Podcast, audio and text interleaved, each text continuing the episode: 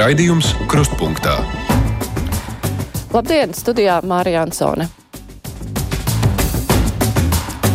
Par notiekošo Ukrainā mēs ikdienas runājam jau divus gadus, tomēr laikā, kad aprit nu jau kārtējā gadskārta, kopš visa Ukraina dzīvo kara apstākļos, protams, vēl jo īpašāk izvērtējam zaudēto un iegūto. Arī mēs to darīsim šodien raidījumā stundā pēc vieniem, kad par nedēļas aktualitātēm runāsim kopā ar žurnālistiem. Tagad ir pienācis laiks mūsu piekdienas brīvajam mikrofonam. Halo! Labdien! Labdien! Labdien! Es piezvanīju uz radio, ja? Jā, Halo! Lū! Labdien! Labdien! halo! Jā, Labdien. radio! Jā, lūdzu! Halo! Jā, Jā. ir problēma. Vajag Nu. risinājumu. Tālruņa numuru mūsu studijā 6722, 888, 672, 559, varat arī sūtīt WhatsApp ziņas. Tālruni 256, 60, 440, var sūtīt ziņu arī no mūsu mājaslapas. Bet eh, mūsu piekdienas brīvajā mikrofonā vienmēr ir kāds viesis, un šodien tā ir fonda uzņēmēja mieram vadītāja Laura Skrodela. Labdien! Labdien! Mēs eh, šajā nedēļā tiešām katrā raidījumā esam runājuši par to, kas noticis Ukrainā, kas notiek Ukrainā par dažādām mācībām, ko paši esam izvērtējuši. Un eh, šajās visās sarunās eh, nu, var redzēt, ka mijās eh, gan pesimisms ar optimismu un tiek arī salīdzināts tas laiks, kā bija, piemēram, pirms gada, kad mums bija nu, liels cerības uz to, ko vēl rietumi varētu dot Ukrainai, kā varētu atbalstīt, un šķita, nu, tā, ka tas tiks izdarīts, tad jau droši vien, ka būs labāk. Tagad mēs esam redzējuši, kā tas realitātē ir strādājis, un uh, Kāda jums ir sajūta šobrīd? Drīzāk optimistiska vai drīzāk pesimistiska? Jo, protams, ka tās praktiskās lietas izvērtēt un katru plusu vai mīnusu izsvērt, nu, to mēs varētu darīt, bet uh, noteikti ir tāda kopējā sajūta, tīri varbūt emocionāli. Nu, mēs pārstāvam uh, darītājus, tāpēc es noteikti saku, ka joprojām uh, mēs redzam situāciju, kas notiek frontē, un mēs uh, dzirdam no vienībām. Uh, Viņu sajūtas un, un, un, un par to, ko viņi stāsta, un, un, un šis munīcijas bāts, kas principā liek vienībām ļoti uh, tā var teikt, tieši asiņot un, un, un ciest liels zaudējums un ļoti liels um, sarežģījums un izaicinājums tajā, tajos uzdevumos, kas viņiem ir jāizpilda, bet uh, mēs, uh, mēs uh, paliekam uh, optimistiski un mēs zinām to savu lomu. Uh, mēs līdz šim esam stiprinājuši uh, gan, gan, gan ar morāli, gan ar, ar konkrētām fiziskām lietām, tā kā mēs zinām to vietu, kas mums ir jādara, un man liekas, ka tas ir svarīgi, ka mēs uh, uh, zinām to darbu, kas mums ir jādara, un ka mēs turpinam to darīt. Tā darīšana pati par sevi vairo, nu, liek būt optimistam, jo tajā brīdī, ja neko nedara, tad tur nekas tas neatliek. Kā Iegrib grūtsirdībā, varbūt. Jā, nu mēs, ja, ja nav, ja mums, ja man šobrīd nav tiešu iespēju un, un varbūt skaidra plāna, kā, kā mēs varam palīdzēt pamodināt rietumus un iedarbināt kaut kāds lielāks instruments, lai palīdzētu Ukrainai, tad mēs zinām, kas ir tie mazie darbi, kas ir ļoti, ļoti izšķiroši. Es pacelšu klausuli, lai arī klausītāji tiek pie vārda. Tā, labdien, brīvais mikrofons, esat ēterā. Labdien, vai nebūtu pēdējais laiks poļu vēstnieku izsaukt uz ārlietu ministriju uh, un atgādināt viņam uh, par šo boikotu Ukraiņu robežas? Tas tagad ir vis mugurā Ukraiņiem no poļu puses. Vai poļi ir piemirsuši, ko Krievs viņiem ir nodarījis savā laikā un nesenā laikā? Paldies! Es nezinu, protams, par poļu viesnieku izsaukšanu, bet tā tīri nu, arī emocionāli šī situācija uz polijas robežas, kādas asociācijas tas raisa. Jo, nu, no vienas puses ir grūti iedomāties, ka mūsu zemnieki kaut ko tādu varētu darīt, bet no otras puses, nu, poļu zemniekiem jau arī ir cita dzīve, cits rūpals un, nu, jā. Droši vien tas, kas ir būtiski katrā situācijā, uh, izvērtēt, uh, no, kurienes tad, uh, no kurienes tad šīs kājas aug. Un, un arī šajā situācijā mēs ļoti labi un ļoti skaidri redzam, no kurienes šīs kājas aug. Un, un, un, un, un tas ir ļoti labi, ka mēs esam kritiski un spējam saprast šo situāciju, bet uh, varbūt nedaudz uh, no mūsu pieredzes paplašinot arī un, un, un pastāstot, kā tad iet mūsu kravām uz Polijas, Ukrainas robežas, tad tas ir ļoti raibi. Mēs ļoti lielā mērā saskaramies ar to, ka kā katra muita, kā katrs cilvēks, muitnieks, uh, subjektīvi apskatās uz dažādām lietām. Ja, visi, visas biedrības, visi fondi, kuri sūta regulāri, uh, savā starpā bieži apmainās ar, ar, ar dažādiem paradoksiem, un reizēm ir tā, ka uh, nu, tiešām tu saproti, ka vienīgais, tu, tu esi Rīgā, tu sēdi uz telefona, runā ar muitnieku, kurš ir apturējis kravu, un tad uh, mēģini saprast, kas būtu tas labākais veids, kā atrisināt to jautājumu. Mums eh, klausītāji rakst, atrakstīs vēstuli ties ar pārliecību, ka šī vēstule netiks nolasīta, bet es tomēr nolasīšu šo vēstuli. Jo tas eh, tā ir ne pirmā reize, kad uh, cilvēki kaut ko līdzīgu vaicā. Viņi prasa, cik ilgi jūs apelēsiet pie cilvēku sirdsapziņām un prasīsiet ziedot Ukrainai. Drīz jau nabaga pensionāri būs novilkuši un atdevuši pēdējo kreklu. Man interesē, vai veikts kāds pētījums, cik Ukrainas oligārhi ir noziedojuši savai valstī, tāpat cik personīgi Rinkēvičs un pārējie Latvijas valsts vadītāji ir noziedojuši Ukrainai. Vakar bija iespēja uzdot tādu jautājumu valsts prezidentam, bet klausītāji gan neuzdev šo jautājumu. Bet, nu, kopumā klausītāji uzskata, ka pārāk bieži tiek lūgts ziedot un apelējot pie mūsu sirdsapziņas, pensionāri novelk pēdējo kreklu.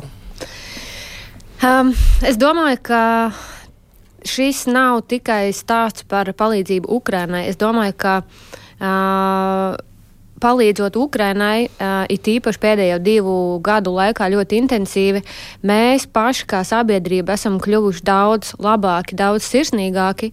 Un, uh, tās iespējas, kam mēs varam palīdzēt, tas, ka mēs kādam mērķim, vai tā, vai tā ir dzīvnieku patvērsme, vai tie ir seniori, piemēram, es ļoti bieži noziedoju tieši otrādi mūsu cilvēkiem Latvijā gados, kuriem ir nepieciešama palīdzība. Tā kā es domāju, ka mēs izējām cauri tādam ļoti uh, lielam pārbaudījumam, arī pa, mēs kā sabiedrība kopumā. Un, man liekas, ka mēs paliekam ar to labāki. Un, un viens no veidiem ir, protams, ka tu vari ziedot naudu, bet otrs ir uh, pasveicināt kaimiņu. Uh, kādam cilvēkam uz ielas kaut kas nokrīt, viņam pacelt un iedot. Tā kā uh, ziedošana, tas, ka mēs iedodam kādam naudu, tas ir tikai viens no veidiem. Mēs varam veltīt savu laiku, mēs varam ziedot savas prasmes. Es domāju, ka uh, izdarot darot jebkuru no šīm lietām, mēs paši paliekam labāki. Tieši tā. Es pacelšu klausuli. Klausītājs zvana. Labdien, brīvais mikrofons. Labdien! Labdien. Vēstdien TV3 ziņās bija sižets par ielu nosaukumiem, kā maiņa. Krievu kopiena rīkoja piketu, ļoti pieklājīgi manās acīs viss. Tagad tur viena kundze runā, un garām gājējis iet, iebāž ģīmi pie mikrofona un operators viņu uzņem. Ja nenavīžu latviešai, ziniet, man bailes palika.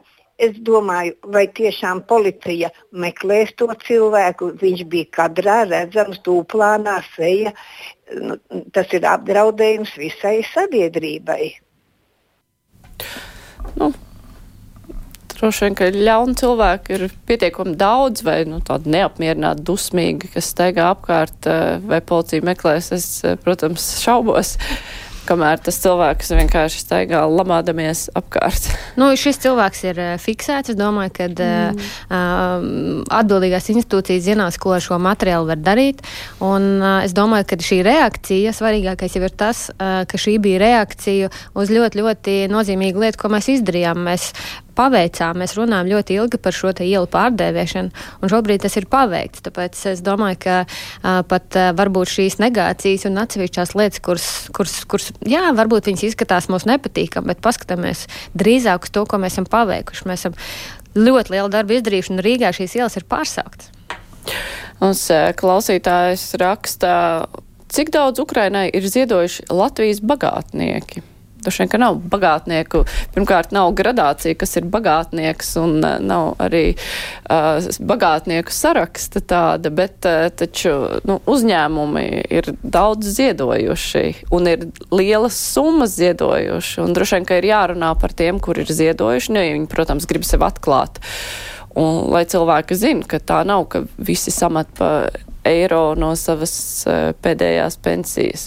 Jā, uh, un, un tā, ir, tā ir tā nianse, varbūt arī tieši gan kā mūsu fonds ir radies, gan tas, kā mēs strādājam. Mūsu ziedotāji lielākā daļa, 99% ir Latvijas uzņēmēji. Un, un tā ir uzņēmēja nauda, un viņi ziedot šo naudu, palīdzot aizstāvēt visas Eiropas robežas, viņi saprot, ka viņi ziedo savai nākotnē, sava, lai, vi, lai, lai uzņēmēji tālāk varētu darboties, lai viņiem būtu nākotne, lai mums būtu ekonomika, lai mēs visi varētu dzīvot m, drošībā, šīs, šie ziedojumi tiešā veidā palīdz to sasniegt. Tā kā ziedo, ziedo arī. Um, bagāti cilvēki, vidēji turīgi cilvēki un, un ziedot cilvēki. Tiešām mums arī ir bijuši pasākumi, kur cilvēki gados atnes 50 eiro ar uzrakstiņu klāt, ka tas ir domāts droniem, un mēs ļoti labprāt to pievienojam klāt lieliem ziedojumiem. Mums klausītājs zvana. Labdien, brīvais mikrofons. Labdien! Labdien. Pieder tiem, tiem cilvēkiem, kuri priecājās par to, ka mums vienreiz ir gudrs prezidents Rinkēvičs kungs. Es vakar noklausījos divas reizes viņa sarunu ar žurnālistiem un uzskatu, ka nav tāda jautājuma Latvijā, par kuru viņš neinteresētos un kur viņš nepieliktu savu plecu, lai viņam spēks un veselība un, un tiešām slava tādam prezidentam kā viņš. Un otra mana doma ir tāda, ka valstī sen jau vajadzēja likvidēt visas tās valdes, jo tur ir priekšnieks un priekšnieka vietnieks un entie padomnieki un sekretāri un kas viss tur nav. Priekš kam agrāk bija viens priekšnieks, priekšnieka vietnieks un sekretārs, kur tās valdes uzrādās burtiski tā kā ērces iesūcās mūsu dzīvē un arī nosūc mums visu labumu. Kāds komentārs ir? Es varu piekrist, uh, tikai piekrist kundzei. Mums tiešām ir, uh, mēs tiešām mums tiešām ir uh, prezidents, ar ko lielākā daļa no tautas lepojas. Un, uh, mēs jūtam, cik lielā mērā šāds uh, valsts vadītājs var palīdzēt visai sabiedrībai justies savādāk. Uh, Kā es domāju, ka eh, arī prezidents, eh, prezident, no prezidenta puses ir bijuši arī izteikumi par, eh, par ierēdniecību, par birokrātijas procesiem, kuri valstī ir jāsakārto. Tā, tā mēs visi zinām, ka tur ir daļa taisnības, un mums ir arī šajā lauciņā labi darbi priekšā. Droši vien, ka parādīsies arī kāds, kurš teiks, ka kur ir tā socioloģiskā aptauja par to lielāko tautas daļu, bet, nu, jā, Arī vakar mums daudz pienāca atzinīgas vēstules no klausītājiem, tā kā vismaz klausītāju vidū ir daudz cilvēku, kur tā domā. Klausītājs mums raksta, ja visa Eiropa nenovilks kreklu tagad, Krievija novilks visiem arī bikses. Nu, es domāju, ka, um, protams, ka ir uh, izaicinoši laikā, kad mums tik tuvu notiek šāda intensīva kara darbība. Protams, ka mēs visi zināmā mērā esam kļuvuši par kaut kādā līmenī par uh, militārās jomas uh, zinātājiem. Varbūt kāds ir arī jārt iekārtojies divānā un jūtās jau kā militārais eksperts, tomēr man liekas, ka mums ir jāatcerās tā mūsu loma, uh, kas, kas mēs esam sabiedrībā un kas ir tas, ko mēs varam izdarīt. Un, uh, tāpēc mums ir Nacionāla bruņoties spēki, mums ir aizsardzības ministrija, un uh, mēs varam jebkurā brīdī izdomāt dažādas scenārijas, bet mēs uh, sakojam līdzi šai situācijai. Mēs esam uh, NATO dalību valsti, mēs redzam visus procesus, kuri notiek notiek apkārt. Mēs varam klausīties, ko saka analītiķi, un mums ir jābūt drošiem un, un jāpaļaujas arī uz mūsu militāro resoru. Jā, bet nu, klausītāji tomēr skatās uz notiekošo arī vērtē. Kāds klausītājs raksta, Šolts saka, ka nedos taurus raķetes, jo baidās eskalēt situāciju. Tad sanāk, ka viss ir mierīgi. Nu, tas tā retorisks jautājums drīzāk. Un uh, par uh, Krievijas graudiem klausītājs raksta, man prieks, ka esam solidāri ar Ukrainu, tajā pašā laikā atbalstot Krieviju, atļaujot tai tirgot graudus caur Latviju. Nu, tas viens lēmums par importu ir pieņemts, bet par tranzītu Tas Jā, ne. un mēs arī ļoti gaidām decembrī. Mēs savācām vairāk nekā 10 tūkstošus pārakstu portālā Mana balss par institīvu pacelt ieturējumu nodokli maksājumiem uz Krieviju, lai no Latvijas naudas, lai no mūsu naudas netiktu finansēta okupantu kara mašinērija. Un šobrīd gaidām, kad tiks iekļauts budžeta komisijas dienas kārtībā, tā kā mēs turpinam arī šo virzību un uzskatām, ka tas ir viens svarīgs punkts, um, lai mēs apturētu šos maksājumus uz Krieviju no Latvijas.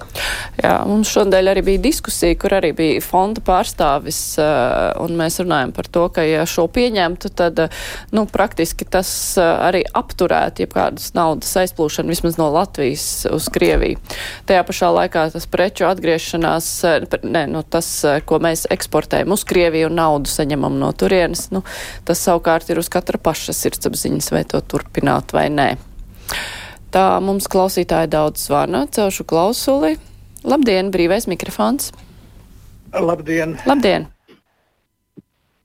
Man priekšā vakar bija pudele alus un cigarešu paciņa. Cigarešu, cigaretes 4,15 eiro, alus 1,40 eiro. Tad es nodomāju, vai tiešām arī mazie ziedotāji nevarētu atteikties no vienas paciņas. Tas būtu ļoti svarīgi arī maziem ziedotājiem. Paldies! Tieši tā, uh, mums reizēm liekas, ka uh, varbūt es ar savu mazo ziedojumu neko nevaru palīdzēt mērķim, bet ja mēs paskatāmies, cik mēs esam mūsu valstī iedzīvotāji, un ja vienā dienā, piemēram, rītdien, katrs no mums noziedot vienu eiro, tad mēs redzam, cik daudz mēs kopā saziedot.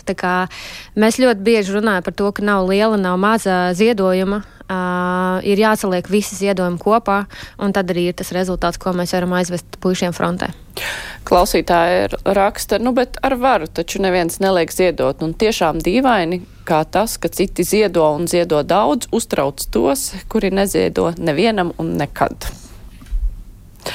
Nu, tā tas ir tā klausītājs, eh, klausītājs mums, klausītāja Vija, viņa ir skolotāja, viņa iebilst uh, par jūsu tēzi, ka cilvēki paliek sirsnīgāki un labāki. Un kopš pandēmijas viņa, viņas prāt cilvēki ir arvien ļaunāki un agresīvāki, redzot, ka lauku ļaudis īpaši latgalē nevienu neinteresē, ka tas lēdz pasta nodeļas, skolas nav darba vieta, nav nekādas patiks pret valdību.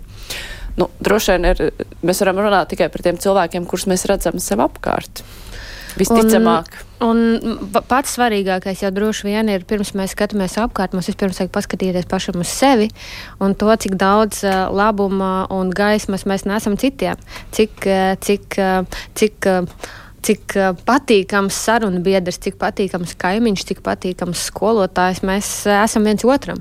Un, un tas, ir, tas ir tas sākums sabiedrībai. Pirms mēs, pirms mēs tā teikt, metam akmeni uz kādu citu, mums jāsāk pašiem ar sevi. Klausītājs zvana, labdien! Labdien! Mazs precizējums par tiem poļu zemniekiem šis nav tik viennozīmīgs gadījums. Redziet, eh, Ukraiņu zemniekiem pieder tikai 30% no Ukraiņas lauksaimniecības zemēm. 70% pieder rietumu agroholdingiem. Poļi protestē pret šiem 70%. Jā, nu, šajā stāstā droši vien ir jāiedziļinās vairāk un vairāk, lai mēs patiešām saprastu, kas tur ir apakšā, tajā, nu, tāpēc, ka tā virspusē ir ļoti viegli spriest. Ja, un, piemēram, arī šo informāciju, ko klausītājs saka, es tā uzreiz arī nevaru pārbaudīt, neapstiprināt, nenoliegt, bet, nu, acīm redzot, tas ir stāsts, kur žurnālistiem vajadzētu parakties vairāk, papētīt, un tad mēs varēsim vairāk runāt. Klausītājs zvana, labdien! Halo! Gribēju, nu, pajautāt, cik tad maksā tā ielu pār, pārdevēšana. Tas taču arī nav pavelti. Bet tagadējos apstākļos nebūtu labāk šito naudu ziedot Ukrainai. ar to ielas nosaukumu pārdevieš, pārdeviešanu. Ukrainai nekas tur nav. Nekāda labuma nav. Paldies! Nu, jā, tās plāksnes nomainīt. Protams, ka tas maksā naudu. Tajā pašā laikā stāsts jau nav par vienmēr par naudu, bet uh, mēs jau arī varējām nejaukt uh, šo pieminekli uzvaras parkā nost, uh, jo tas izmaksāja naudu. To varētu noziedot Ukrainai. Bet uh, tas jau ir tomēr tāds žests, kas ir vairāk vajadzīgs morālu apsvērumu dēļ, nevis Ir Naudas viena dēļ. lieta, ko ļoti bieži mums saka Ukrainas partneri, ar kuriem mēs strādājam. Viņi jautā, it īpaši tie, kas ir atbraukuši uz Rīgu vai uz Latviju un pastaigājuši pa ielām un, un, un, un dzird gan valodu, kas mums ir uz ielas diezgan daudz labi dzirdam. Viņu jautājums ir, vai jūs tiešām nemācāties no mūsu kļūdām? Un, manuprāt, šis ir ļoti nozīmīgs laiks, kad uh, varbūt tādi, tādi soļi, tādi lēmumi, ko mēs iepriekš gan attaisnojoties ar demokrātiju, attaisnojoties ar daudziem citiem iemesliem, ir darbi un lietas, ko mēs neesam izdarījuši līdz šim. Un, un, un šis ir tas brīdis, kad mums ir jāsaprot tie darbi, kurus mēs neesam izdarījuši iepriekš un par kuriem mēs varam maksāt ļoti dārgi gan šodien, gan nākotnē. Tie darbi ir jāizdara. Tieši tā. Klausītājs zvana. Labdien! Halo! Halo. Labdien, esat ētrā! Labdien! Mans jautājums būtu vairāk vērsts tiem žurnālistiem diskusijai. Ir tāds jēdziens kā kaitniecība pret valsti. Un es domāju, ka mums tā ir ļoti plaši izplatīta. Piemēram, Velva Stradiņas slimnīcā kaitniecība, žoga celtniecība, nekustamā īpašuma kaitniecība, visa tā maigie spriedumi pret Latvijas ienaidniekiem tiesās kaitniecību, un tā varētu uzskaitīt un uzskaitīt. Un man šķiet, ka ne tikai man, bet arī daudziem citiem cilvēkiem šāds jautājums varētu interesēt. Paldies! Nu, es nezinu, vai jautājums tikai žurnālistiem, bet eh, nu, jā, tie ir jautājumi, par kuriem var runāt. Mēs par vēl runāsim arī nākamajā stundā vairāk ar žurnālistiem par to, kas tur ir noticis, lai gan tur arī tāda nu, pagaidām tāda pustumša bilde, kas, kāpēc, bet uh, retorika, kas ir izskanējusi, ir mazliet īpatnēja. Bet, nu jā, tad atstāsim to nākamajai stundai. Klausītājs mums zvana. Labdien! Labdien! Par cik mēs esam uh, kara darbībai blakus, varbūt vajadzēja no katras pensijas, kas ir līdz 500 pusprocentu, un tā pamazām uz augšu atvilkt kā nu, bruņojuma ražošanai. Absolūti visiem strādājušiem, visiem pensionāriem. Un tā nebūtu problēmas ar ziedošanu tādu. Nu, nu, varbūt es nepratu izteikties tā. Atvilkt no pensijas militārai ražošai, nē, tas tā. Es nedomāju, ka kaut kas tāds varētu notikt Latvijā. Es arī domāju, ka labdarībai pēc uh, definīcijas ir jābūt uh, brīvprātīgai. Tajā brīdī, ja tā kļūs par uh, obligātu, vai mēs to ieviesīsim kā kaut kādu nodevu, mēs zaudēsim to uh, sajūtu, ko iegūst ziedotājs tajā brīdī, kad viņš uh, kādam kaut ko iedod. Jo viens ir tas uh, došanas prieks, bet otrs uh, tas, ko mēs redzam uh, gan to cilvēku acīs, kas saņem kādu ziedojumu, vai kas saņem dronu, vai kas saņem kādu pikapu, kur mēs aizvedam uh, vienībām. Un tajā brīdī, kad mēs iedodam, piemēram, uzņēmējiem atskaiti un parādam uh, par konkrētu ziedojumu, kur mēs esam aizveduši, ikvienam ir šis te, nu, tā, tas dalīšanās prieks tajā brīdī, ka viņa, tas, viņa iegu, ieguldītājs, viņa palīdzētājs ir sasniedzis un viņš redz to rezultātu. Kā, es domāju, ka uh, tam pašos pamatos ir jābūt brīvprātīgam. Klausītājs zvana, labdien! Brīvais mikrofons? Jā, esat ēterā. Labdien! Um, lieciet taču vienreiz tām ielām mieru. Tagad tērēs simt tūkstošus, lai šādu pārdēvētu. Valstī bagātā visur notiek krāpšanās. Bijušo valsts centrālās komitejas priekšsēdētāju rosināts apsūdzēt par krāpšanu lielā apmērā atbalstīšanu un dienesta dokumentu viltošanā. Atkal izkrāpti 150 tūkstoši. Dienas nekārtības un naudas izmētāšanas. Stradiņiem pazūd būvniecības dokumenti. Kas par visu šo atbildēs? Jūs uzskatāt, ka tauta ir stulba un jums vienalga, kā dzīvot cilvēkiem. Jūs domājat tikai par Ukrajinu, par to Zagļu Zeļenski, domājat par savu. Jā, nu, klausītāji aizrāvās, uh, sadusmojās uz Zelenski, bet nu, mēs jau runājam par to, ka tās ir nesaistītas lietas un uh, nav jāskata uh, ielu pārdēvēšana tādās kategorijās. Klausītājs uh, zvana, labdien! Sveicināti! Labdien! Es gribētu teikt tā ka mūsu drošības uh, dienestam ir liels kauns, uh, ja viņa laikā nevarēja Ždanokai absolūti neko atrast un piesiet, jo Ždanokai vajadzētu sēdēt vienā kamerā ar, ar, ar, ar Andersonu, uh, Adamsonu. Uh, kauns tiešām. Viņi un, un tie, kas nevarēja atrast to puisi, uh, kurš sievieti nodūra, kāpēc viņai nevarēja iedot elektrisko šoku? Visu dara otrādāk. Sie Jā, klausītāji gribētu turpināt. Es īsti to otru lietu nesapratu, bet jā, par drošības dienestu un Tatjanu Ždanaku. Nu, jā, bet nu, tas arī ir diezgan daudz jau izrunāts un drošības dienests tāpat skatās un pēta. Un, ja ir sadarbība un pierādāma sadarbība, tad jau droši vien, nāks klajā ar kaut kādiem secinājumiem. Labi, klausītājs zvana, labdien! Labdien! Esat ēterā? Paldies! Es gribēju parunāt par sabiedrisko transportu Rīgā un varbūt arī par Daugaupilī. Krievijas pensionāri, kas ir pensionējušies no 55 gadu vecuma, brauc sabiedrisko transportu nu, pa velti laikam. Bet Latvijas pensionārs tas nevar braukt. Tā ir tāda diskriminācija, jo nu, mūsu pensionāšanās vecums bija 63, 64, tagad jau turpat 65 gadi. Es nezinu, kā ir Daugaupilī, tur arī ir sabiedriskais transports. Nu, iznāk tā kā tāda diskriminācija. Es godīgi sakot, es atceros, ka bija runa par šo, bet vai tiešām to nemainīja?